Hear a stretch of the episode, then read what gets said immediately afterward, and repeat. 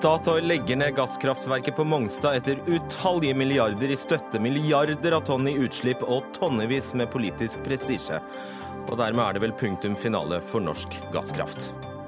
Regjeringen vil lovfeste nulltoleranse mot mobbing, men forslaget vil gjøre barns rettigheter svakere, hevder forening.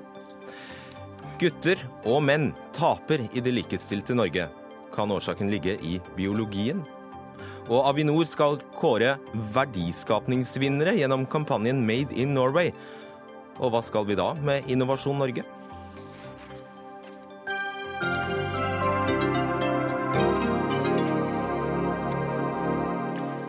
Riktig god kveld og velkommen til Dagsnytt 18. Mitt navn er Fredrik Solvang.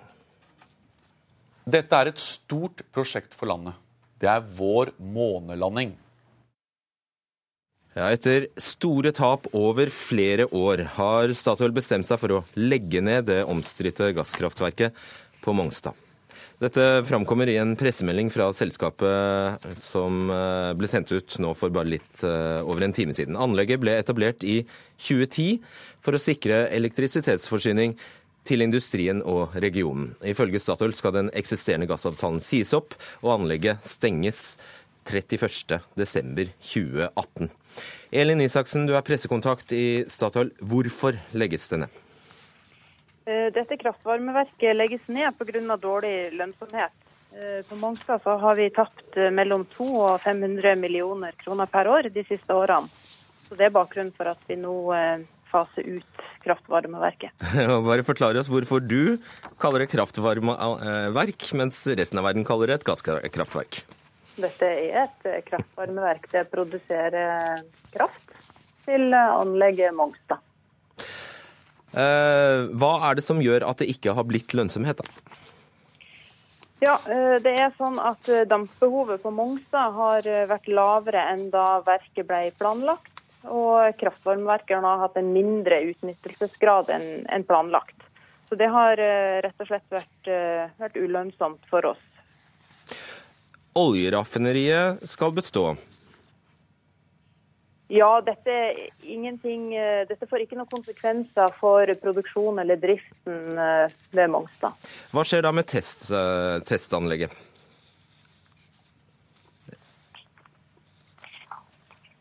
Hører du meg? Ja, ja unnskyld. Ja, det går fint. Du, dagens beslutning får ingen umiddelbare konsekvenser for testanlegget. Men er ikke dette testanlegget eller dette teknologisenteret på Mongstad avhengig av gasskraft? Jo da, eh, det stemmer det at det har tilgang fra, fra, av røykass fra kraftvarmeverket. Men det har tilgang på røykass fra flere kilder. Og eh, det vil fortsatt ha eh, tilgang fra den andre kilden. Og samtidig så jobbes det med å finne alternative løsninger for å erstatte den røykassen fra kraftvarmeverket Eh, etter 2018, når eh, avtalen løper ut. Så det er ingen planer om å legge ned hele det teknologisenteret, altså? Vi er innstilt på å fortsette virksomheten ved TCM. Eh, hvor lenge har dere planlagt denne nedstengningen? Dette har ikke vært planlagt lenge. Dette er en beslutning som nylig er tatt. Hva vil nylig si? Den ble tatt denne uka. Ok. Er det kun et økonomisk spørsmål for Statoil dette her? Ja, det er det. Men hvor vanskelig politisk er det å gjøre dette?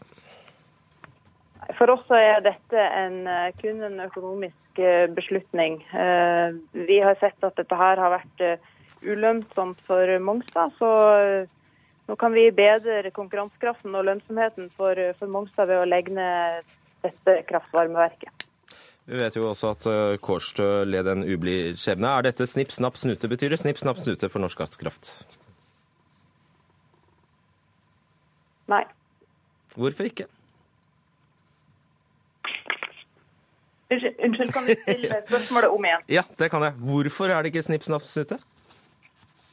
Jeg, jeg fikk ikke med meg innledningen der. Oh, ja. Hvorfor Altså, nå er Kårstø lagt ned, og nå legger dere ned Mongstad. Dette må vel bety et endelig punktum for norsk gasskraft? Det kan ikke vi ta stilling til. Vi, dette er jo en beslutning som har eh, med med lønnsomheten for vår drift å gjøre. og det, det Ja, nettopp.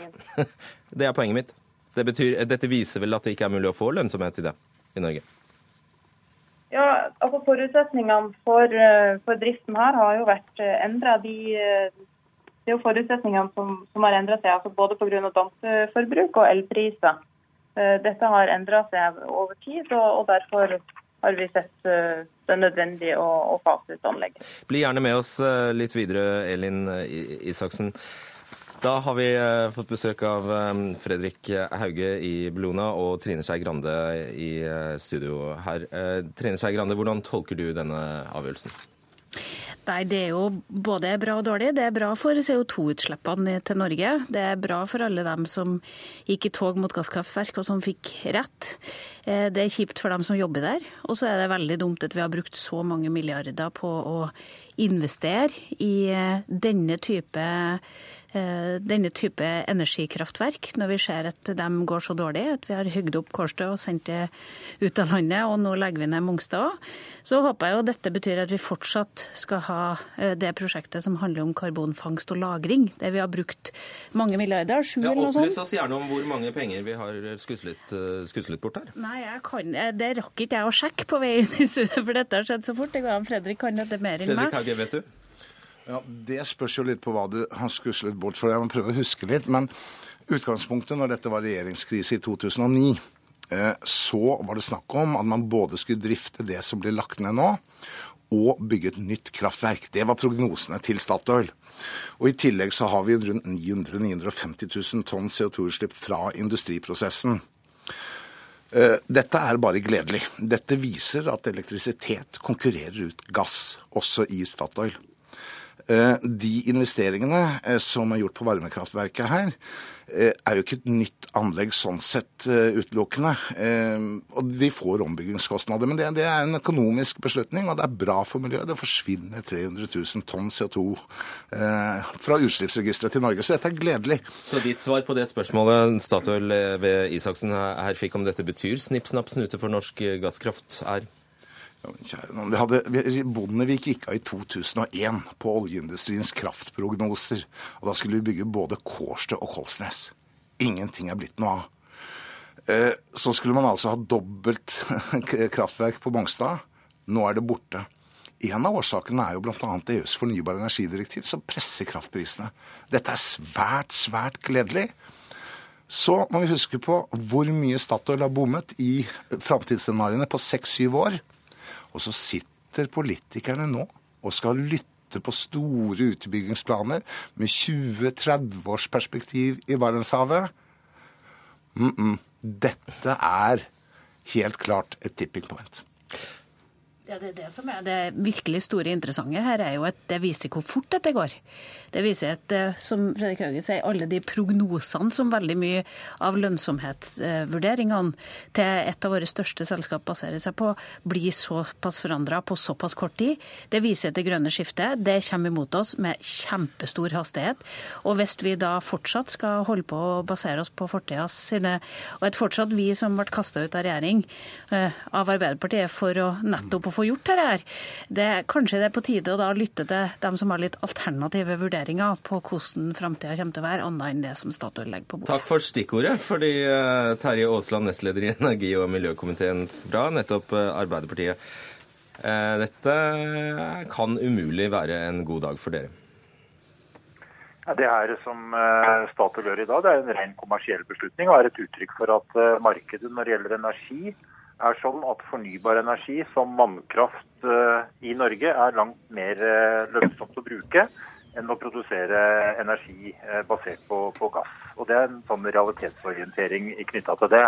Og så er dere inne i en diskusjon om hva som har gått tapt knytta til eh, det som har skjedd rundt Mongstad, teknologisenteret, bygging av kunnskap i forhold til dette med CO2-fangst. Og Der vil jeg påstå at ikke vi har tapt, tapt store verdiene. Vi har vunnet mye. Vi har vunnet mye kunnskap om det å kunne uh, fange CO2 og håndtere CO2-en, eh, ikke minst fra gasskraftverk, industrielle prosesser osv. Nå er det viktig at vi fullfører og ikke mister det som har vært lagt ned knytta til, Mongstad. Og Gjennom det så påhviler også Statkraft som brukte dette med karbonfangst også som en del for å få gjennomslag for eh, det her kraftvarmeverket eller gasskraftverket, alt ettersom man velger å kalle det sånn, eh, som en del av den løsningen. Så det påhviler også Statoil et betydelig ansvar for å kunne eh, ta ansvar for å videreføre teknologisenteret på Mongstad. Haugen, du nikker. Ja, det er en viktig ting som skjer nå. Fordi testsenteret har i dag, fram til nå, kunnet teste rensing på avgasser fra et gasskraftverk. Det har Norge stor interesse av å få på plass. Det har en lavere konsentrasjon av CO2 i avgassen enn kull. Når de nå står igjen med testsenteret og skal rense da fra crackeren, eller altså industriprosessene, som fortsatt slipper ut nesten en million tonn, så har den et CO2-nivå som ligner mye mer på kullkraftverk. Bra for leverandørindustrien å få teknologi framfor kull. Men for Norge som gassnasjon så er det jo klart at gass kan ikke være en del av den europeiske energimiksen etter 2030 uten CO2-fangst og -lagring. Og nå får vi ikke øvd på den type CO2 eh, som kommer fra gasskraftverk. Ja, det var- bare, bare kull og industri. Og det var jo egentlig, selv om du, og det var jo egentlig derfor, eh, derfor jeg stilte deg spørsmålet om ikke dette egentlig er en veldig sørgelig, bedrøvelig dag for, eh, for deg, Aasland. Nei, altså, Vi må akseptere de kommersielle beslutningene Statoil har foretatt. Men jeg tror eh, både Fredrik Hauge og Trine Skei Grande og jeg er enige om at teknologisenteret på Mongstad har en eh, stor betydning i kunnskapsbygging, kompetanseheving rundt eh, formålet karbonfangst i ulike valører. Men ikke snakk deg vekk fra det. Altså det, det Hauge her er sier, er at du får ikke, vi får ikke eksportert gassen vår når dette havarerer. Når, denne, når vi, vi ikke har fått bevist at det lar seg rense. Jo, selvfølgelig. Altså, det er ikke sånn at dette teknologisenteret legges ned som en, eh, som en konsekvens av det som skjer i dag. Nei, men det er Det er sånn at Statoil, Statoil må ta et medansvar for å sørge for at vi kan videreføre teknologisenteret på Mongstad, teste ut teknologier og sørge for at det som er bygd opp der, ikke går tapt gjennom den beslutningen som har skjedd knytta til, til, til varmekraftverket. er Og så er det mulig å føre den teknologien over på andre Yes, arenaer. Men sånn, det er jo ingen som diskuterer. Det er faktisk, Jeg håper jo at det fortsetter. Jeg tror Fredrik Hauge mener veldig sterkt at dette bør fortsette. Statoil sier at det kommer til å fortsette. Det er ikke det vi diskuterer i dag, for det er ikke det, er ikke det prosjektet som Statoil har foreslått å legge ned. Det er gasskraftverket de har foreslått å legge ned. Det var gasskraftverket Arbeiderpartiet gikk til valg på at de ville gjennomføre. Det var derfor de kasta sentrumsregjeringa. felte en regjering på dette her også. Ja, og så viser det seg at det ikke fungerer. Og da må man ta den virkeligheten innover seg. Da må man ta innover seg at det grønne skiftet som er i ferd med å skje i Norge og i Europa og verden rundt omkring, det kommer dundrende innover oss mye fortere enn hva bedriftene sine vurderinger egentlig klarer til. å gjøre. det, er Vent vent litt, Aasland. det, det som er helt åpenbart her, er at Norge har en stor interesse av å lære seg å rense CO2 fra gasskraftverk. Det forsvinner nå.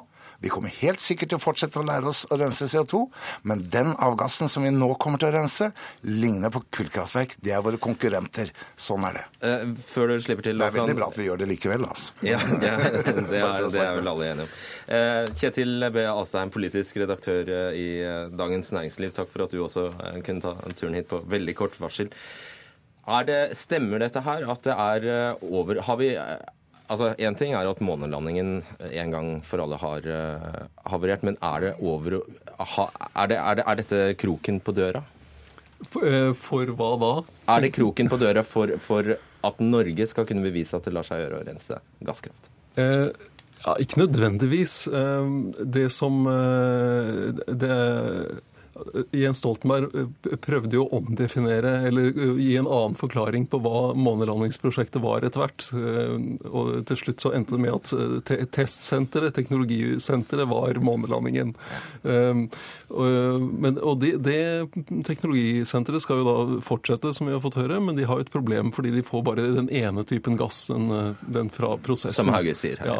Og så sier Statoil her, og, og også de som har ansvaret for å drive testsenteret, at de skal prøve å finne en løsning på dette. Eh, Og man kan jo lure på hva det betyr. Skal de da sette i gang en turbin bare for å brenne av litt gass for å ha noe, noe, noe CO2 å, å teste på?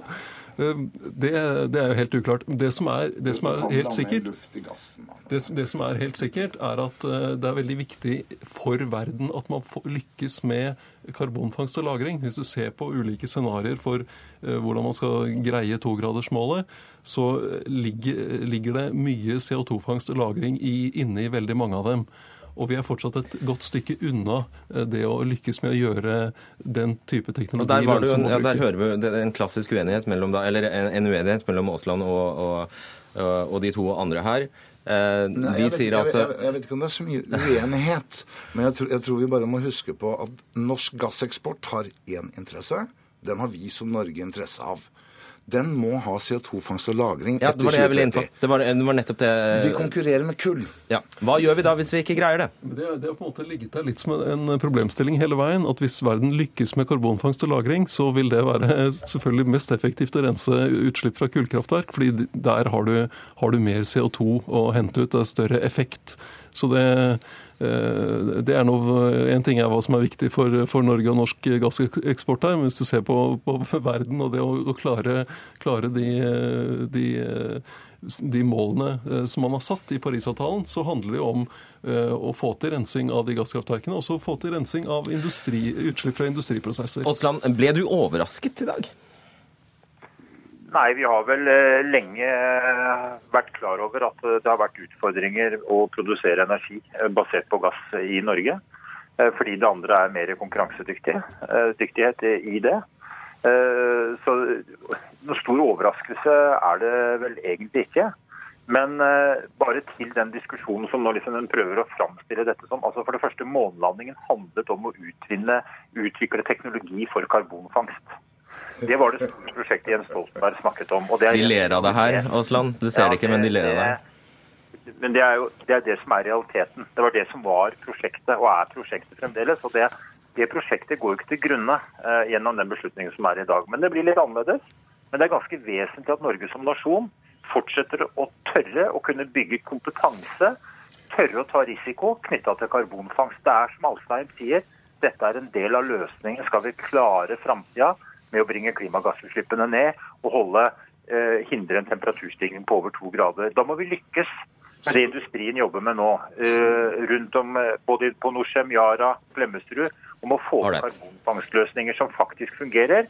Mye av dette har sin utspring i det som er erfart og gjort på, på Teknologisenteret på Mongstad. og Vi må bygge det videre. Eh, jeg har bare lyst til å, Du skal få med et spørsmål på veien, og så skal du få avslutte. Grande. Men først, eh, Hauge. eh, eh, Det kom jo et forvarsel. altså Allerede i 2013 innså, kom det jo, en kom jo løypemeldinga om at man eh, ga opp fullskala, eh, fullskala fangst og lagring på, på Mongstad. Har det ligget i kjømda hele veien, dette her? At, eh, ja, dette. Ja, Det er helt åpenbart at når det kom i 2009, så var det enda et gasskraftverk som skulle bygges, i tillegg til det som nå legges ned.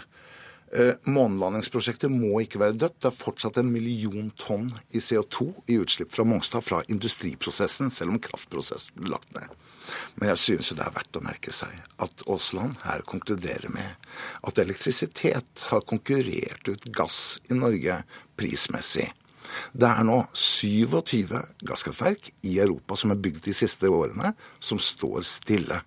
Hva i all verden er det som får norske politikere til å tro at gass skal konkurrere med fornybar elektrisitet i Europa i framover? Det tror jeg vi må ta med oss videre. Og så må vi ikke stole lenger på oljeindustriens prognoser. Se hva de har bomma på seks år, og så skal politikerne nå ta beslutninger med 20-30 års perspektiv ikke, på oljeutvinningen i kan man ikke snu det Barentshavet. Ja, kan man ikke snu det på hodet da og si at da er, er det jo nettopp ikke så viktig at du sitter på Stortinget og bestemmer hvem, hvor de skal få lete og hva de skal få lete etter, fordi markedet viser seg. De, de eh, avgjør det. Markedet kommer til å funke kjempebra på dette. Det kjipe er jo at vi bruker masse penger på å bygge ut felt som ikke kommer til å være lønnsomme. For eksempel. Eh, Det er derfor vi har stemt imot flere av gassfeltene, fordi at vi tror ikke at dette kommer til å bli lønnsomt i framtida. Og vi kunne ha brukt de pengene på å investere i langsiktige, grønne investeringer som har gitt oss arbeidsplasser for framtida. Og så er det sånn at, at eh, Arbeiderpartiet får det her til å høres ut som at de kaster oss fordi at de har lyst til å lage et testsenter. Nei, de kaster oss fordi at de har lyst til å satse på gass som energiprodusent inn i det norske markedet. Vi trodde ikke på det. Vi, vi sto og ble kasta på en miljøsak. I dag er vi ganske stolt over det vi sto for akkurat da. Er det en dramatisk dag, dette her? Nei, er det dramatisk dag, vil jeg ikke si. Det har, eh, du kan si det har et utslag på det norske klimaregnskapet, men disse utslippene er jo innenfor EUs kvotesystem, så sånn sett det, spiller det ikke sånn veldig stor eh, rolle fra eller til. Når det gjelder eh, norsk gasseksport til Europa, så er jo problemet nå er at, at, det er så billig å bruke kull. Det er så lave, lave kostnader knyttet til å slippe ut CO2.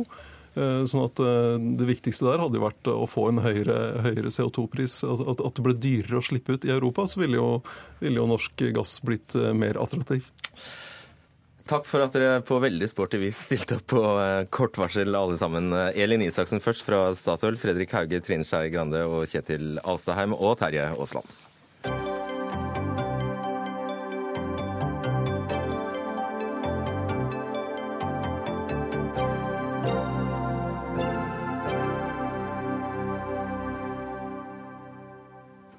Både statsministeren og kunnskapsministeren var til stede for å lansere tiltak mot mobbing i dag. Systemet blir mer barnevennlig, raskere og effektivt enn i dag, lovet Erna Solberg. Men det hjelper ikke å lappe på en gammel ordning. Barna vil få svakere rettigheter, ifølge foreningen Mobbing mot uh, Mobbing i skolen. Mobbing i skolen, ja. Selvfølgelig. Riktig. Mobbing i skolen. Eh, du skal få slippe til, selvfølgelig, men eh, først Torbjørn Røe Isaksen. Nulltoleranse mot mobbing, er ikke det nesten en selvmotsigelse? Nei, snarere tvert imot. Og, bare for å forklare det, så Når vi sier at det skal stå i loven, så betyr jo ikke det at altså Det er først og fremst for at loven må si noe om hva som er ambisjonen med arbeidet. Og det er selvfølgelig sånn at man kan ha en diskusjon om kommer vi noen gang dit at alle barn er trygge i skolen. Ok, Kanskje det er vanskelig å få til, men det er uanstendig å ha noe annet som mål. Uanstendig? Eh, ja, det er uanstendig å ha noe annet som mål. Altså Selvfølgelig så må utgangspunktet vårt være at alle barn som går i barnehage og skole i Norge skal være trygge og fri fra mobbing. Det som er uanstendig, er vel å love noe du ikke kan holde? Eh, nei, men dette er, ikke, dette er, jo ikke, et løfte hvor vi sier at i løpet av åtte år så skal vi ha nullmobbing. Alle forstår at det vil være tom politisk retorikk, men det sier noe om hvor avgjørende det er at vi er eh, offensive, at vi jobber mot mobbing, at vi ikke gir opp etter et par år hvis det viser seg at ikke alt vi setter i gang nå fungerer 100% Og det er på samme måte som vi har en visjon om null drepte i trafikken. Eh, det kan hende vi aldri kommer dit heller, men det betyr at det er det vi sikter oss inn mot, det er det vi jobber mot. Alright. Nå har du vært så smart at du lanserer, eh, du lanserer dette og sender ut pressemelding og holder pressekonferanse før du faktisk viser alle kortene og, eh, og, lovforslaget kommer. Eh, så vi har bare for så vidt det de sa i dag å forholde oss til. Elin Dragland, styremedlem i Foreningen Mobbing i skolen, som altså hjelper familier i mobbesaker. Og du men ut fra det du har fått med deg, så påstår du allerede nå at dette vil svekke barns rettigheter? Ja, vi stiller sterke spørsmålstegn ved det. Eh, det handler om at det aller viktigste som må på plass, eh, det er en ny uavhengig klageinstans. Eh, det er godt dokumentert både fra Barneombudet og fra Djupedal-utvalget at Fylkesmannen har ikke fungert som klageinstans de siste, siste 14 årene. Og det har i praksis har det gitt skoler og kommuner amnesti for massive lovbrudd. Eh, det viktigste rådet fra Djupedal-utvalget og også innsigelsen fra Barneombudet og fra alle brukerforeninger, eh, alle vi som jobber med, med de som trenger hjelp, eh, det er at vi må få på plass en uavhengig instans. Ja, så han bevarer, eller De bevarer altså Fylkesmannen som klageinstans. Da, hvordan kan det bli verre, da? Da er det jo i beste fall status quo? Eh, det blir eh, Det som eh, i tillegg er fjerna, det er retten til enkeltvedtak. Jeg skjønner at dette er litt teknisk, og for de som hører på, så er det vanskelig. Jeg skal prøve å forklare veldig kort hvorfor det er viktig for, for barn og foreldre. Det er den eneste juridiske knaggen inn i forvaltningsloven. Det gir, en, en, det gir formelle rettigheter til at du får informasjon, rett til innsyn i saken din. Det gir rettigheter i forhold til en, en habil saksbehandling og progresjon, hvor lang tid det skal ta å behandle klagen. Og den formelle rettigheten tar man vekk, og så erstatter man den med en aktivitetsplikt, Ja. som er relativt ullen for oss. Hva er det? Nei, altså En aktivitetsplikt er rett og slett en plikt for skolene til å handle. Eh, Og Djupedal-utvalget som ble nevnt her, så var det store utvalget som så gjennom alle virkemidlene vi hadde i antimobbepolitikken, anbefalte veldig klart og tydelig at vi burde fjerne det som var da enkeltvedtaket, rett og slett fordi det betød at skolene brukte mer tid på papirarbeid, eh, på å gjøre alt formelt riktig enn på faktisk sette i gang tiltak. Og så vil den aktivitets... Men det. Stemmer det at, de, at samtidig uh, mister barna en juridisk rettighet? Nei, altså den juridiske rettssikkerheten til barna blir skjerpet med det lovverket som vi legger fram. Eh, Og det er også verdt å nevne at selv om Barneombudet også ønsker en uavhengig klageinstans, har Barneombudet også uttalt i dag at de mener at det juridiske vernet er et steg i riktig retning, og at her blir det eh, mye tydeligere at skolene har et soleklart ansvar for å handle og ikke slutte å sette inn tiltak før barna har det trygt og godt på skolen. Og så, Hvis jeg kan si noe om dette med klage, klageinstans. fordi Her er det en uenighet. Men jeg, jeg mener at det betyr ikke at jeg mener dagens klageordning er god nok. Altså På ingen måte. Dagens klageordning er altfor dårlig. Det er bare at jeg mener at det å eh, flytte det vekk fra Fylkesmannen, som er statens uavhengige representant i fylkene, til en uavhengig nasjonalt organ, vil ikke gjøre eh, klageadgangen bedre. Snarere frykter jeg at det vil svekke det. Så det vi gjør, er at vi legger fram en ny klageadgang, forsterka, sterkere rettigheter for elevene, sterkere virkemidler også for Fylkesmannen for å kunne gripe inn i skolene. Eh, og det mener vi at vil føre til en mye sterkere og bedre klagemulighet enn i dag. Uh, ja. Eh, Jeg har veldig lyst til å spørre deg om hvem er det du har lytta til når du har bestemt deg for eh, å videreføre Fylkesmannen som ordning? Altså av, av de 100 altså Vi har jo hatt mange møter også med dere, da. Ja. Eh, Så bare, bare så det er sagt. Så det er jo sånn at vi har Åpenbart jo... ikke lyttet til dem på det jo, punktet men her. altså, bare, så- bare, for da det er jo sånn at Når man sier lytte til, så har vi, vi har hørt og jeg, Dette har vært en vanskelig sak for meg også å vurdere. Vi har hørt på deres argumenter, mange av de andre organisasjonene også. Blant de høringsinstansene som har vært, så var det omtrent delt. Det var mange som pekte på Fylkesmannen, var en del som er mange også som Enda litt flere som ville ha et uavhengig organ. Men vi har da konkludert med at Fylkesmannen er Ja. riktig. Vi, men skal jeg si bare hvorfor vi har ment det? For det er kanskje litt Det- Jeg føler du sa det, egentlig. Nei, det, men det er to viktige grunner. Det ene er at Fylkesmannen er til stede i alle landets fylker, mens et slikt organ vil måtte ligge ett sted. Det andre er at Fylkesmannen har ansvaret for å kontrollere alle delene av kommunens virksomhet. Og det kan være f.eks. at det er problemstillinger hvor det som skjer i barnevernet, det som handler om læringsmiljø på skolen, henger sammen med mobbing. Grunnleggende mener du, skjønner jeg det slik at du mener skolene har hatt for mye det- Altså det er det øret eh, Røe Isaksen har hørt på? Torbjørn Røe Isaksen. Jeg leste gjennom eh, foreninga vår så leste vi gjennom alle de 177 høringssvarene som kom til, eh, til eh, Djupedal-utvalget sin rapport. Og det danna seg et klart mønster her. Alle de som representerer de som skal bruke klageinstansen og ordninga, var massivt for å få en ny uavhengig klageinstans. Og det handler om at de opplever at Fylkesmannen ikke er habil. Så du snur argumentene dine på hodet når du sier at det er viktig at de er representert ute og har nærhet til skolene. For nettopp det at de er så tett på systemet, opplever de som skal bruke ordninga, gjør at de ikke er habile. Og vi skjønner det at det er veldig vanskelig, og det er menneskelig også, at når man har ansvaret for veldig mange forskjellige områder av barns oppvekst, og man skal ha en god relasjon til rektor, så er det vanskelig den ene dagen å komme ut og skal veilede og ha møter og bevare en god relasjon, og neste dag skal du komme ut og holde folk i ørene. Så vår påstand er at dere har satsa videre på ei, ei, eh, ordning som eh, de mektige aktørene i skolesystemet har kjempa med nebb og klør for å beholde, og det gagner ikke Et unger. halvt minutt, Ja, jeg, jeg er ikke enig i det. Og det men, altså, fylkesmannen er, det er ikke fylkeskommunen. Altså, dette er statens representant i alle fylkene. Det er, når vi skal eksempel sjekke om spesialundervisning for de svakeste elevene i Norge er god nok, så bruker vi Fylkesmannen. Eh, Når man skal sjekke om sosialtjenestene til kommunene er gode nok, så bruker man Fylkesmannen. Når vi skal sjekke om barnevernstjenestene er gode nok, så bruker man Fylkesmannen. Så å si at det er generelt slik at Fylkesmannen ikke er habil, det betyr, at, eh, altså da, det, det betyr at hele systemet vårt på alle områder, på alle måter, ikke fungerer. Men Det dagens sier- det sier ikke vi. Det er kun i mobbesaker. men altså. Men, men i dagens klageordning er ikke god nok. Jeg er helt enig. Fylkesmennene har ikke, og staten har ikke gjort jobben sin. Det er derfor vi må ha en forbedret klageordning. Mye bedre, og det kommer med disse endringene. Tusen takk skal dere ha. Det ble litt uh, avkortet her pga. skyld på Statoil. takk skal dere ha, Elin Dragland og Torbjørn Røe Isaksen. Er.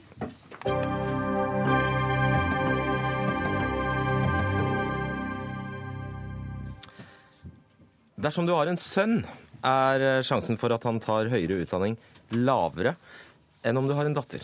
Siden 70-tallet har utdanningsgapet mellom menn og kvinner her i landet økt. Og i dag er det 60% kvinner som tar høyere utdanning, og bare 40% av gutta. Det er også flest gutter som faller fra eh, i videregående. Camilla Stoltenberg, du er direktør ved Institutt for epidemiologi Er du ikke direktør for hele Folkehelseinstituttet, da? Jo, det er det jeg er. Ja, det mener jeg du, du er. Vi stryker alt det første, sier du. Ja, sjef for Folkehelseinstituttet. Du, eh, du skriver eh, i en eh, kronikk i Morgenbladet at dette utdanningsspriket bekymrer deg. Hvorfor det? Det er jo en tung trend som har utviklet seg over ganske mange år nå, i hvert fall 40 år og egentlig lenger, hvis man tenker på når det begynte å endre seg. Eh, men på 70-tallet så krysset menn og kvinner, så siden har det vært eh, økende grad av kvinner i, i høyere utdanning. Den trenden ser vi i mange land. Mm. Eh, vi ser den i nesten alle OECD-land, så det må være forklaringer som ikke er spesifikt norske, som ligger bak dette. Altså nesten alle industrialiserte land ja. skjer dette? Ja. Men hva er problemet? Er det ikke jentenes tur? Eh, nei, eh, det er både jentenes og guttenes tur. Vi trenger alle. Og eh, når det blir så skjevt som det har blitt nå, så er det all grunn til å tenke på hva vi skal gjøre med det for å endre det. Og det tar også tid å endre noe sånt. Nå er det slik at det aller alvorligste er jo alle de guttene som faller ut av videregående skole, og alle de som klarer seg dårlig i samfunnet. Og så er du opptatt av helse også, f.eks., for, for menn har generelt dårligere helse enn kvinner? Det var noe av det som var min inngangsport til dette. Mm. Og så stiller du et veldig besnærende spørsmål. Du, du, spør altså om det kan ha noe med biologi å gjøre. Ja. Hva mener du? Nei, jeg mener at eh, det som er åpenbart for alle, nemlig at gutter kommer senere i puberteten og modnes senere enn jenter, og at det skjer i akkurat de årene der karakterene i ungdomsskolen settes, og der karakterene i videregående skole settes, det kan bestemme ens videre løp gjennom livet. Og derfor så kan det være at det er det som er forklaringen. Det er veldig sannsynlig at det er en del av forklaringen, men det er faktisk ingen som har studert det, så vidt jeg har kunnet bringe på det rene. Og Det tror jeg vi skal få bekreftet eh, når vi snakker med Ylva Østby, spesialist i eh, klinisk nevropsykologi. Du tar doktorgraden din i nevrokognitiv utvikling i eh, barne- og ungdomsårene, faktisk. Har man, Hva sier forskningen på dette, dette området, egentlig? Har man hjerneforskning som, viser at, som kan forklare dette utdanningsgapet, f.eks.? Ja, altså eh, Vi har ikke noe hjerneforskning som kan bekrefte det Camilla sier her. At eh, eh, dette gapet skyldes at gutter og jenter utvikler seg i forskjellig takt. fordi da jeg tok doktorgraden min i 2011, så var dette et ganske upløyd mark. Og vi så om vi kunne se kjønnsforskjeller i utvikling. Mm. I normal utvikling. det fant vi ikke. Men uh, vi fant Eller altså Jeg har sett andre studier i, fra USA bl.a. som ser uh, tendenser til små kjønnsforskjeller i hjernestruktur i utviklingen. Sånn.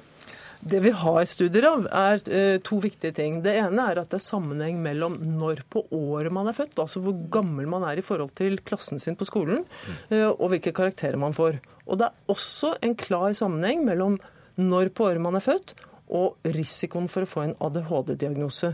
Dette har det kommet mange studier på bare de senere årene. Det viser at modning har betydning for hvordan det går med en på skolen, og hvordan man klarer seg. Og da spiller det en rolle at, at jenter generelt eh, modnes tidligere enn gutter. Er, det usannsynlig? Eh, det er ikke usannsynlig, selvfølgelig.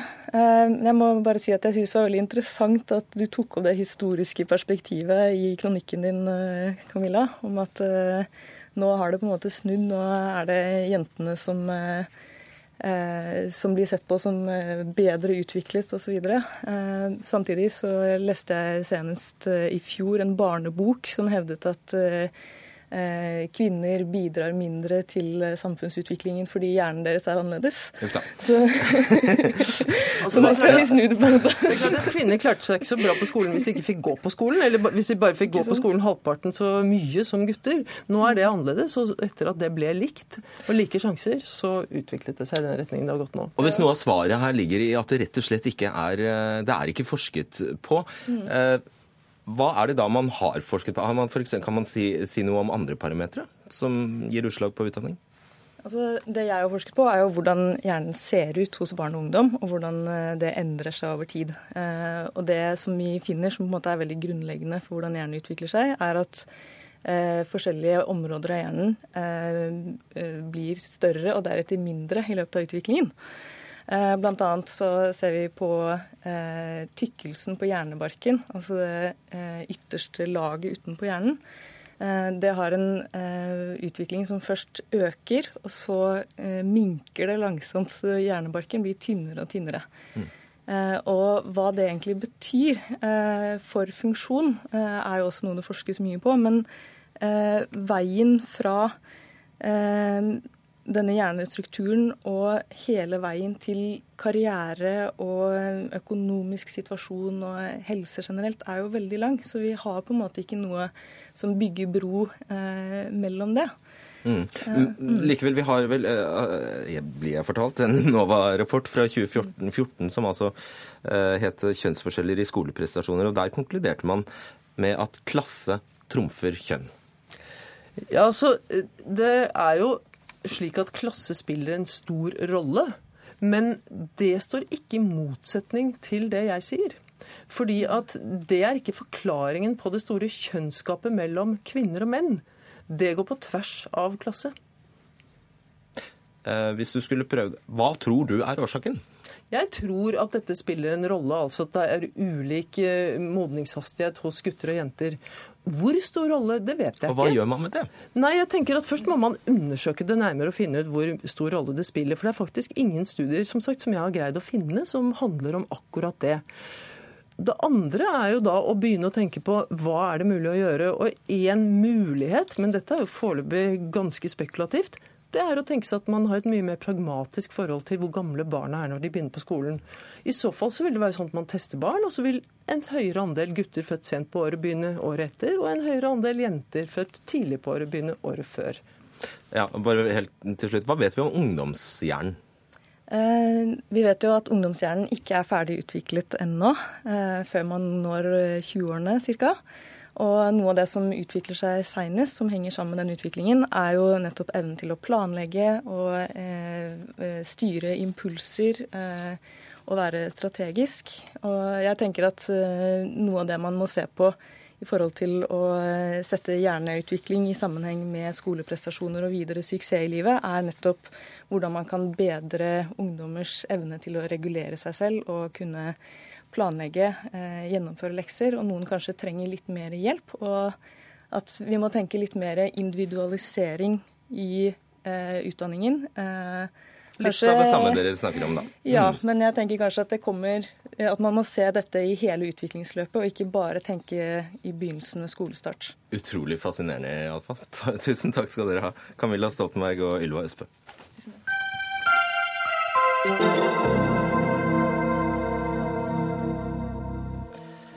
Du har eh, kanskje fått med deg denne reklamefilmen fra Avinor? Vi i Avinor bidrar med det samme vi gjør hver dag. Å koble mennesker til muligheter. Så hvis du har en idé, eller vet om en virksomhet fra din region som fortjener mer oppmerksomhet, løft det frem på Made in Norway, avinor.no. Ja, Med kampanjen Made in Norway vil Avinor hylle norsk skaperkraft og sette i gang en konkurranse som kårer lokale og regionale vinnere i verdiskapning. Men vent litt. Har vi ikke et organ allerede som er satt til å realisere økt verdiskapning i norsk næringsliv? Hvorfor skal Avinor, i stedet for å konsentrere seg om å drive flyplasser, gå Innovasjon Norge i næringen? Egil Thomsen, konserndirektør for kommunikasjon og marked i Avinor. Hva er Made in Norway? Made in Norway er en eh, hyllest til alt det som foregår av eh, verdiskapning ute i distriktene rundt omkring i hele landet. Og i 2017 så skjer det fantastisk mye spennende i norsk luftfart. Vi åpner jo en svær flyplass, eller utvider på Oslo lufthavn. Samme i Bergen. Vi gjør masse i andre steder i landet også. Og da ønsket vi oss å bruke den anledningen til å sette oppmerksomhet på verdiskapning. For lufthavnene er jo til for å tilrettelegge for verdiskapningen. Men vi går ikke inn i rollen til andre aktører. Derfor har vi fått med oss gode samarbeidspartnere som tar seg av det de er gode på. Det skal vi teste etter hvert. Dere hevder eh, Avinors samfunnsrolle er å koble mennesker til muligheter. Hvor har dere det fra? Ja, det tror jeg er en ganske god og presis eh, konsentrat av det som er vårt oppdrag, nemlig å drive ja, et lufthavn. Dere kan ikke bare finne på sånt, dere må jo ha det fra et sted? Ja da, vi har det fra våre vedtekter og fra det oppdraget vi har gitt som, som, som eh, Jeg finner ikke vedtektene. Nei, det, De bruker nok noen andre ord. Mm. Skal jeg si hva som står i vedtektene? Ja, Der står det veldig tørt. Selskapets samfunnsoppdrag er å eie, drive og utvikle et landsomfattende nett av lufthavner for sivil sektor og en samlet flysikringstjeneste for sivil og militær sektor. Det er noe ganske annet enn at Avinors samfunnsrolle er å koble mennesker til muligheter, vel? Nei, faktisk ikke. For disse lufthavnene er jo der nettopp for at vi skal ha et levende samfunn rundt omkring i hele landet. Og hadde ikke lufthavnene vært det, så hadde det ikke vært mulig å drive virksomhet. Det hadde ikke vært mulig at folk skulle bo langt unna sykehusene. Det hadde ikke vært mulig for folk å, å komme dit. Derfor så har vi den, den rollen å koble. Hvor mye koster den kampanjen? Den koster 14 millioner over tre år. 14 millioner? Ja. Ok. Hvordan vil du oppsummert, Hva vil dere oppnå? Det vi vil oppnå, er å skape oppmerksomhet om den, nærings, om den rollen som verdiskaper som vi har ute i distriktene. At vi har et næringsliv i Norge? Få frem alle de flotte aktørene der ute som, som, som er med å bygge landet vårt. Right. Dag Inge Fjell, høyskolelektor ved Høgskolen Kristiania. Hva tenkte du da du så den reklamen? Det første jeg tenkte, var at her har det kanskje vært en sånn teambuildingstur som har gått berserk i jakten på purpose. Eh, og så tenker jeg også det at eh, dette dramaturgiske grepet de bruker her, det er veldig sånn Hydro og Aker og den type fortellerstemme. Så jeg tror eh, det er langt unna det som er kjernevirksomhet for Avinor. Eh, og jeg tenker også at de 14 millionene som man skal bruke her, det hadde kommet veldig godt med for alle oss som har flydd ut til gate 19. Tenk deg hvilket rullebånd som kunne vært der for, for litt av de pengene. Og tenk deg også hvilket signal man her sender om at man tar seg altfor godt betalt eh, og drifter disse flyplassene. Det er derfor vi har dyre eh, menyer. Det er dyrt å være der, og ikke minst alle de som nok et år skal stå i passkø på Gardermoen. Tenk deg hvor mange mennesker man kunne ha bemannet og for å hjelpe de stakkarsene. Som, eh, jo, men altså før, før, de kommer til politiet, ja. så er det sikkert mye Avinor kunne ha hjulpet med. Ja, får du et sånn rullebånd for 14 millioner? ja, du får vi, vi, skal nok eh, sørge for at den der eh, pilen der blir god. Men så i mellomtiden får du ta det som trening. Men vi bruker altså 14 milliarder vi, på å lage den flyplassen der oppe. Vi bruker nesten 6 milliarder i Bergen. Så, så disse millionene vi bruker nå på å få fram verdien av det, de tror jeg også du ser ser? Nei, fordi, fordi dette, dette, dette, er altså ikke deres oppgave. Eh, det jeg tenker også er at Dere binder opp arbeidskraft, for folk skal jo rapportere inn sånne helter, verdiskapningshelter. Og tenk deg alle de menneskene som dere da binder opp eh, arbeidskraften til til å gjøre med det, istedenfor å drifte og jobbe med flyplasstekniske ting. Ja, du, det, er ikke, okay. det, er ikke, våre folk som, som, gjør det. Det har vi god hjelp til. Og du må være med rundt Men det koster vel penger, det også? Det koster penger. Ja. Ok, Torbjørn Lote, du er direktør i NHO Luftfart. Hva syns du om kampanjen Made in Norway? Ja, Vi er vel litt undrende til kampanjen. da. På den ene side så er vi selvfølgelig positive til at man får frem luftfartens samfunnsmessige nytte. Fly For du organiserer altså flyselskapet? Ja, og fly skaper arbeidsplasser. Luftfart skaper aktivitet. Bra for velferd, bra for distriktspolitikk, bra for verdiskaping, for næringsliv. Eh, så det er bra. bra. Samtidig så er vi opptatt av at flyselskaper, nei, unnskyld, at Avinor forholder seg til sin kjernevirksomhet, som du refererte fra vedtektene. Eh, og vi er veldig opptatt av at flyplassene fungerer effektivt, eh, at de er kunderetta, og at vi har akseptable og gode eh, priser for de tjenestene som eh, Avinor tilbyr. Da er det jo i all rettferdighet slik Thomsen sier det, det er småpenger. Men dog, dere, altså flyselskapene, må altså betale ca. 5,2 milliarder kroner i året i passasjeravgift, underveisavgift, sikkerhetsavgift og terminalavgift. Ser du, at, eh, ser du noe rom for eh, ja, omdisponeringer på Avinors budsjett? budsjett? Det, det, prosjektet her på 14 millioner er jo ikke stort i, i den sammenheng. Det men det er mer snakk om hva Avinor som virksomhet bør prioritere, og hva de bør drive med. Og vi er opptatt av at man har fokus på kjernevirksomheten, nemlig å drive lufthavnene effektivt. Og vi har dialoger med Avinor på det, hvordan man kan stille servicekrav. Og også når man da ikke leverer det man skal, at, at flyselskaper og de reisende får noe tilbake av det man har betalt. Og da spør jeg deg direkte, Bør de konsentrere seg om det og droppe Made in Norway-kampanjer? Ja, Vi mener den Made in Norway-kampanjen er litt på sidelinja, for å si det sånn. Eh, vi, burde, vi ville helst sett at man konsentrerte seg om driften av lufthavnene, driver de effektivt og konsentrerer seg om kjernevirksomheten. Svarer veldig kort. Ja, nei, Det er fint hvis du kan påpeke hvordan dette går på bekostning av det du nå tar opp, Torbjørn Lote. Og Jeg presenterte dette for deg for tre uker siden, og da hadde du ingenting imot det. Så dette syns jeg er litt pussig. Da syns begge det er pussig. Da, da sier vi bare ja. OK. Pål Næss, du er direktør for gründere og oppstartsbedrifter i Innovasjon Norge. Og det var jo Innovasjon Norge jeg refererte til innledningsvis her, eh, som har akkurat omtrent dette mandatet som nå eh, Avinor eh, påberoper seg. Er du enig i det? Ja, det er absolutt. Jeg tror vi heier på alle gründere. Vi heier på alle som skaper verdier rundt i landet. Og vi heier også på alle de som hjelper oss å fronte disse og vise de fram. Så da kan tror... vi kutte 14 millioner i Innovasjon Norges budsjett? Dette er ikke reklamepenger som vi ville hatt, og vi hadde ikke hatt den muligheten til å få utstilt disse verdiskaperne, disse gründerne rundt omkring på norske flyplasser. Så her syns jeg det er en all hyllest til Avinor som hjelper oss å vise fram alt det gode som skjer rundt omkring i landet. Tenk du er jo faktisk inhabil, for du sitter i juryen. Jeg sitter i juryen, ja. Det jeg gleder meg til å se alt det gode som har kommet inn. Jeg er helt sikker på at her er det mange som kommer til å bli overrasket når de reiser rundt i landet og ser alt det gode som skapes. Så dette blir fint. Ser du ingen konflikt her mellom altså Innovasjon Norge, bare for å minne om hva Innovasjon Norge er, den skal være statens og fylkeskommunenes virkemiddel for å realisere verdiskapende næringsutvikling i hele landet. Ganske nøyaktig det Avinor sier at de vil oppnå med denne kampanjen. Ja, Her er vi mange som hjelper hverandre med å gjøre dette her enda bedre. Så at Avinor uh, klarer å forsterke det vi prøver å jobbe med, eller det vi jobber med hver dag, det ser jeg bare som en uh, god sak.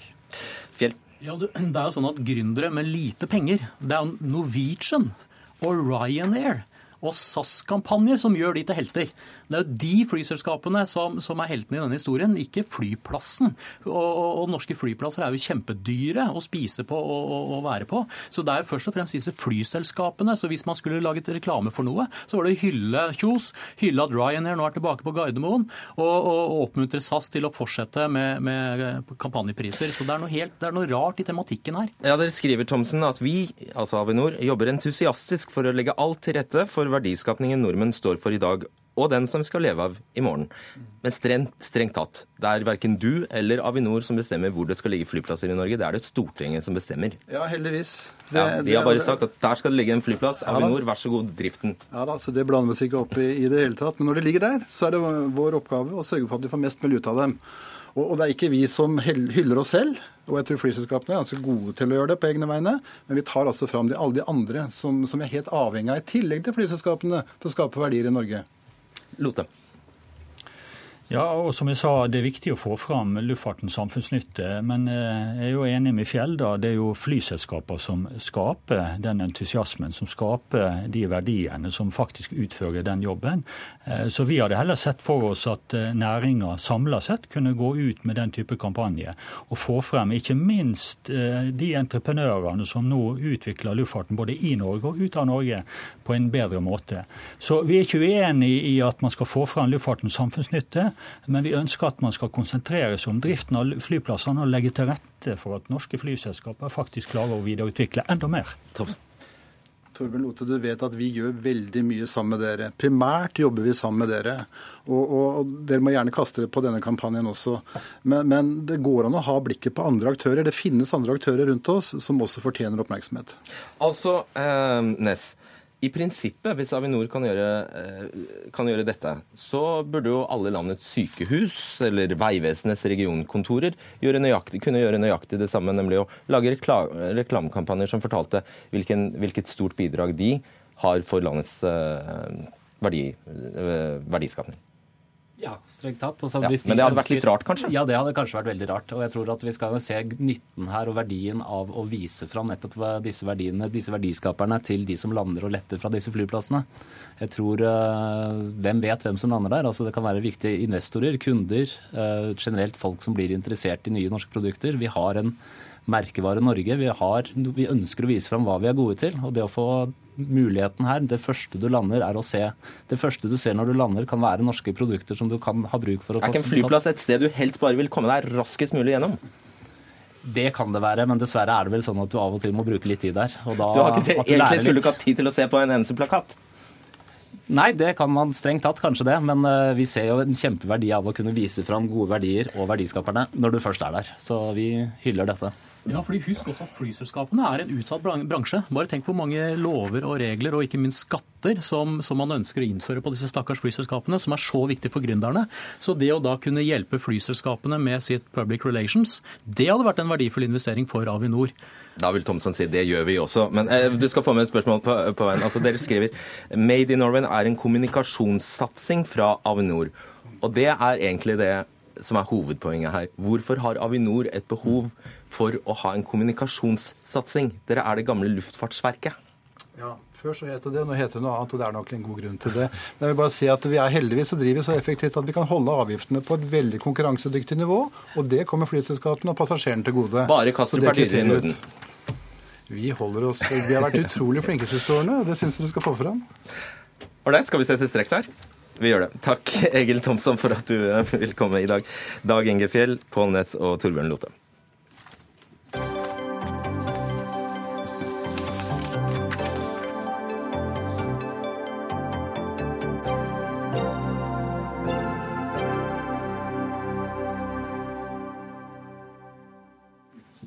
USAs president Donald Trump har i dag tatt imot Israels statsminister Benjamin Netanyahu i Det hvite hus i Washington. Og etter møtet har de holdt en pressekonferanse som begynte, eller skulle ha begynt, eh, klokka 18. Får jeg bekreftet eh, her nå? Ja, det gjorde den. Det har vært stor spenning knyttet til eh, møtet mellom de to, etter at en anonym embetsmann i Det hvite hus tidligere i dag uttalte at USA ikke lenger vil insistere på en tostatsløsning. Skal vi først til USA nå, lurer jeg på? Det skal vi ikke. Da starter vi med, med deg, Hilde Henriksen Våge, professor i Vi har eh, Gro Holm med oss. OK, da begynner vi hos deg, Gro. Eh, Du har fulgt med på pressekonferansen. Hva, hva har kommet fram så langt?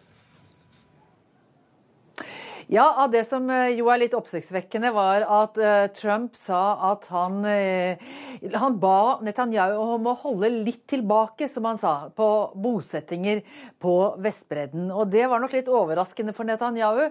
Han hadde ikke ventet den motstanden på den pressekonferansen. Så sa, han, sa Trump også at han støtter den løsningen som partene kommer fram til. Med andre ord ikke nødvendigvis tostatsløsning. Hvis de blir enige om at det skal være én stat, så vil han også støtte det. Og dette er jo eh, et, eh, et alvorlig skritt tilbake i forhold til det som USA og eh, så å si hele resten av verden har vært enige om skal være grunnlaget for fredsdrøftinger. Når det gjaldt spørsmålet om å flytte ambassaden fra Tel Aviv til Jerusalem, som jo er veldig kontroversielt og, og møter stor motstand fra palestinerne, så sa Trump at de har det til vurdering. Men det er helt klart at det spørsmålet er ikke prioritert akkurat nå. Netanyahu på sin side han sa at jo, når det gjaldt dette med bosetninger, så skulle de to snakke sammen, og de ville nok finne, komme fram til enighet. Eh, og han eh, understreker selvfølgelig det evige vennskapet mellom USA og, eh, og Israel, og, og la også vekt på at Trump har sagt at han vil og sa nå igjen at han vil sørge for at Iran aldri får eh, atomvåpen. Ja, Bare et kort tilleggsspørsmål eh, til det. Sa, han noe videre om, om avtalen, selve avtalen? Han sa at betingelsene for enhver avtale sett med israelske øyne, det må være, det er to ting, sa han. Det ene er at palestinerne anerkjenner Israel. Eh, Det gjorde de faktisk i 1993. Men Israel altså har, holder nå fast på at de vil ha en annen og mer eh, De vil, de vil ha enda en forsikring om anerkjennelse, selv om alle på en måte godtar at, at det har palestinerne allerede gjort. Men så, så sa han også at Israel må beholde sikkerhetskontrollen over hele området vest for Jordanelva, dvs. Si hele Vestbredden. Og det er selvfølgelig uforenlig med det å ha en selvstendig palestinsk stat. Eh, definisjonen på en stat er jo at man kontrollerer eget territorium. Ikke sant. Hilde Henriksen Våge, professor i historie ved Universitetet i Oslo og Midtøsten-ekspert. Hvor skjellsettende er dette? Nei, dette er ikke skjellsettende i det hele tatt. Eh, det er eh, to statsledere som møtes, som i utgangspunktet vi kanskje trodde var sånn litt sjelefrender. I hvert fall så trodde israelerne det.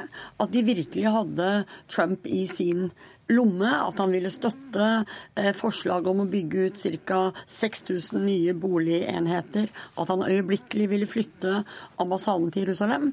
Men eh, det er nok noen rådgivere eh, i Det hvite hus eller i nærheten av Trump som har sagt at eh, stopp litt og tenk deg litt om, for dette kan bli fryktelig mye bråk også i den, hele den muslimske verden. Så vi ser nå at Trump eh, berter tilbake fra sine tidligere ganske Israel-omfavnende løfter. Men likevel, eh, hvor dramatisk eller hvor viktig eh, er det at USA nå ikke lenger har mening om tostatsløsningen?